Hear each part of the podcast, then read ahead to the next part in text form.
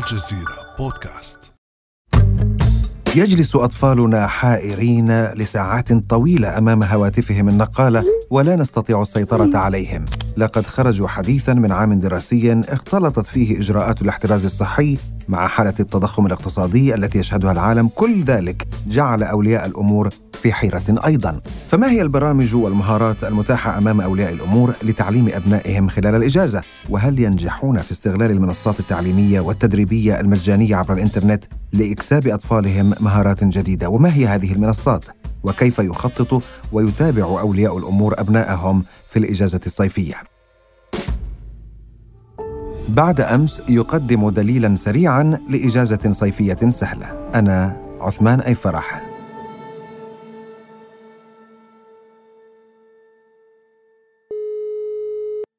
ويسعدني أن أرحب بضيفي المهندس عمار صرصر المتخصص في البرمجيات والأستاذة رنا شحادات المتخصصة في البرامج التدريبية للأطفال. أهلا بكما بداية في بعد أمس رنا وعمار. أهلا فيك أستاذ الله يبارك فيك يا رب. أهلا بك أستاذ يعني فعلا أعتقد هذه الحلقة تكون مهمة لكثير من الناس بحكم انه هم يعني حابين يعرفوا عن تربية الأطفال. يحتار الاباء والأبناء بعد تجربة التعليم عن بعد طبعا وقت كورونا. ما الذي يمكن أن يعلموه لأطفالهم؟ كيف يمكن أن يدربوهم في الإجازة الصيفية؟ رنا إذا ما بدأت بك ما رأيك؟ ما أهم المجالات التي يجب التركيز عليها في الإجازة الصيفية؟ حقيقة بما أننا خرجنا حديثا من سنة كان أبرز شيء فيها هو حياة اجتماعية متباعدة جدا. فاليوم وفي هذا الصيف تحديدا نحن أحوج ما نكون للأنشطة الاجتماعية التفاعلية. وأيضا مختصي التربية والتعليم الذين قرروا أن تكون للسنة الدراسية نهاية وأن يكون هناك عطلة قرروا ذلك لأجل هدف أساسي وهو ان أن تتحول هذه العطلة من الدراسة المنهجية الأكاديمية للأنشطة التفاعلية المهارية، ولذلك فأفضل شيء نبدأ بتعليمه للأطفال المهارات كالمهن مثلا المختلفة في المقام الأول إضافة لأنواع الرياضة بكل أشكالها كالسباحة، الرماية، كرة القدم، أيضا مهارات القرن الواحد والعشرين التي بتنا اليوم أحوج ما نكون لها كأن يتعلم الطفل البرمجة أو يكتسب لغة جديدة لم يكن يعرفها من قبل أو حتى ينضم للأندية التي تعمل على بناء الشخصية بناء متكاملا بدءا من كيفية التعريف عن النفس انتهاء بقيادة فريق كامل. ولا شك أيضا أن الخروج من قالب الصف المغلق أو الدراسة في البيت والاحتكاك مع الطبيعة والخروج للأماكن المكشوفة هو أمر مفيد للأبناء في العطلة فلا بد أن يكون هناك نصيب للطفل من هذا.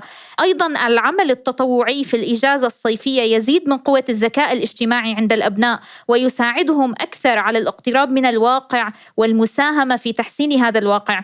أيضا حفظ القرآن الكريم والالتحاق في المساجد التي تعمل على إكساب الأطفال وتعليم تعليمهم أركان البناء الإيماني القويم.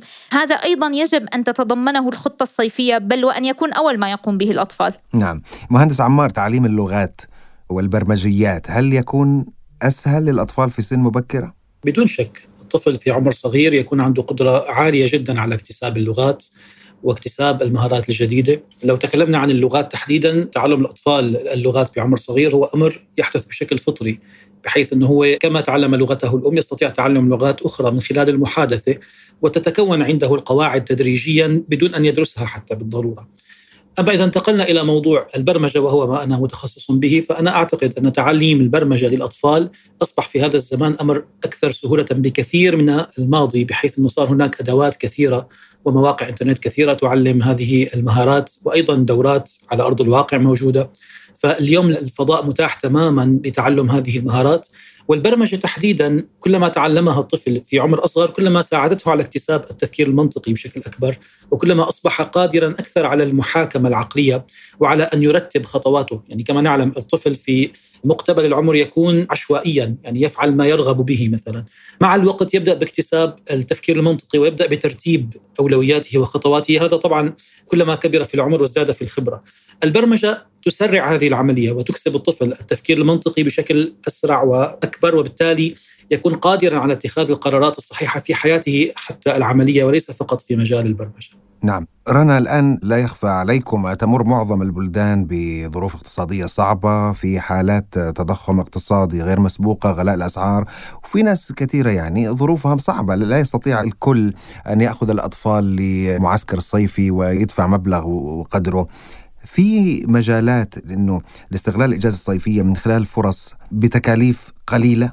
حقيقة هذا بالفعل موجود في كل مكان. باتت اليوم شكوى الأمهات أن الظروف الاقتصادية لا تساعدها في الإجازة الصيفية أو حتى في الموسم الشتوي للأطفال. لكن اليوم مع وجود الإنترنت بات من السهل جدا أن يلتحق الطفل بالدورات أو البرامج المجانية وهي الآن كثيرة أو حتى أن يسجل في المواقع والتطبيقات التي تقدم خدمات غير مأجورة. أو حتى أن نجد أصدقاء من نفس الحي أو المنطقة نشكل معهم مجموعة صغيرة لها اهتمامات متقاربة نقضي العطلة في أنشطة مشتركة. أيضا الجمعيات التطوعية الشبابية تقوم بتنظيم فعاليات مختلفة ولأعمار متنوعة. المساجد أيضا تقدم خدمات عادة ما تكون مجانية للأطفال. الرياضة لا يشترط فيها اليوم أن ندخل في مسابقة وأن نكون ضمن مجموعات وأن نحصل على ميداليات. ممكن أهل الحي أنفسهم ينظموا أنفسهم في مجموعات صغيرة لقضاء وقت ممتع. فيه الكثير من الحركة وأيضا يساعد الطفل في العودة للمدرسة بنشاط أكبر. عمار يعني بالنسبة للغات والتعليم آه، عن بعد في رأيك ما هي أهم المواقع التعليمية التي تقدم دورات تدريبية كورسات تعليمية مجانية للأطفال في اللغات في البرمجة مثلا؟ طبعا هناك العديد من المواقع التي تقدم دورات مجانية تماما وأيضا موجهة للأطفال. يعني تعتمد على الرسوميات وعلى الكرتون وعلى الوسائل الممتعة لتعليم الطفل أساسيات ومبادئ البرمجة وحتى أن تصل به إلى مستوى عالي نسبيا. فهناك كما ذكرنا العديد من المواقع. طبعا قبل أن نتكلم عن المواقع أريد أن أنوه بأن هناك أيضا لغات برمجة متعددة لا تعمل بمبدأ كتابة الكود كتعليمات كما هو يعني البرمجة للكبار ولكن تعمل بشكل ال blocks اللي هي يشبه تركيب مثلا مكعبات الليجو وغيرها ولكن كل مكعب يعبر عن تعليمه. فعندما يتم تركيب هذه التعليمات فوق بعضها تؤدي إلى إنشاء برنامج يقوم بوظيفة كاملة. من أشهر هذه اللغات هي لغة Scratch والتي يعني أنا شخصيا قمت بتدريسها للطلاب في المدرسة للأطفال وكانت النتائج باهرة حقيقة لأنه يعني لا تتخيل كم يستطيع الطفل أن يبدع وأن يصنع برامج فيها أفكار جميلة وفيها مهارات برمجية ربما أنت لا تتوقع أن تخرج منه في عمر صغير. طبعا هذه اللغة وغيرها هناك العديد من المواقع التي تقوم بتعليمها بشكل مجاني وتمشي مع الطفل خطوة بخطوة إلى أن يتقن أساسيات البرمجة والتفكير المنطقي ومن ثم يمكن أن ينتقل إلى لغات البرمجيه للكبار.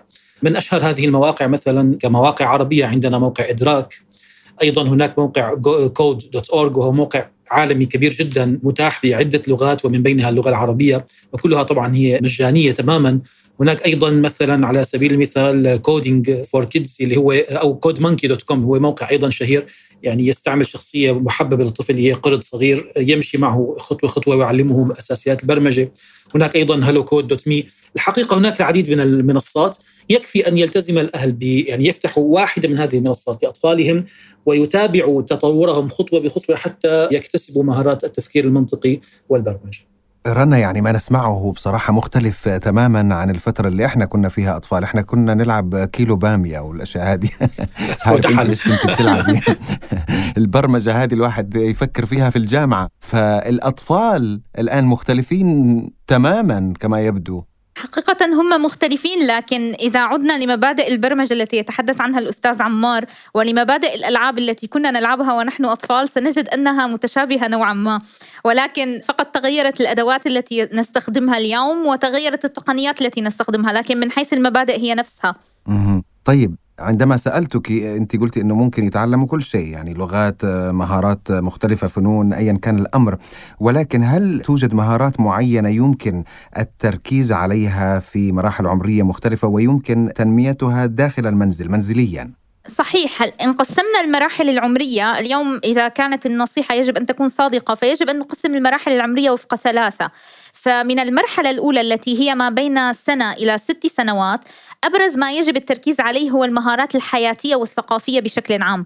مع التعرض لباقي المهارات أيضا إلا أن التركيز يجب أن يكون على الحياتية لأن الطفل في هذا العمر يسعى للاستقلال ولتعلم كيف يمكن أن يقوم بمهامه بمفرده. وبالتالي قد تكون أنشطة الطفل متمحورة حول تدريبه على روتين يومي منظم. نضيف إلى ذلك بعض الرياضات والأنشطة الثقافية والرحلات الميدانية. وكل هذا بالإمكان أن يكون داخل البيت وأن يتعرف الطفل على العالم من حوله. المرحلة الثانية هي التي تكون ما بين ستة إلى تسع سنوات. هذه يجب أن يكون التركيز على المهارات العقلية مع عدم إغفالنا لباقي المهارات بالطبع. في هذا العمر يتعلم الطفل الحساب الذهني البرمجة وأيضا يتقدم في تعلم اللغات ويقوم بالتجارب العلمية. وأيضا هذا متاح ضمن المنزل أن يقوم به المربي إضافة لتعلم المهن. يعني تعلم فن المطبخ الخياطة التدبير المنزلي للذكور قد ينخرطون في عمل واقعي. يتعلم مثلا أحدهم كيف يسوق لمنتج ما أو كيف يكون حلاقا ماهرا وما إلى ذلك من المهن. المرحلة الثالثة ما بين 9 حتى 15 سنة أبرز ما يجب التركيز عليه هو المهارات الاجتماعية والذاتية الشخصية. فهنا يدرب اليافع سواء بناد متخصص أو بشكل شخصي على مهارات التواصل والإلقاء وفقه التعامل مع الآخر والعمل مع الفريق والعمل الجماعي وثقافة التطوع وما إلى ذلك. آه عمار في ظل توفر يعني الكثير من المنصات التدريبية والتعليمية المتاحة عن بعد كما قلنا بماذا تنصح الأب والأم؟ كيف يمكن أن يبدأوا مع الأطفال؟ النصيحة المهمة جدا هي أن أن يدرك الآباء بداية بأن تعلم البرمجة تحديدا يعني بالإضافة إلى تعلم باقي المهارات ولكن البرمجة الآن ربما تصبح في المستقبل هي المعيار للأمية. تخيل أن الشخص الأمي اليوم هو الذي لا يقرأ ولا يكتب ربما مستقبلا يصبح هو الذي لا يعرف البرمجة.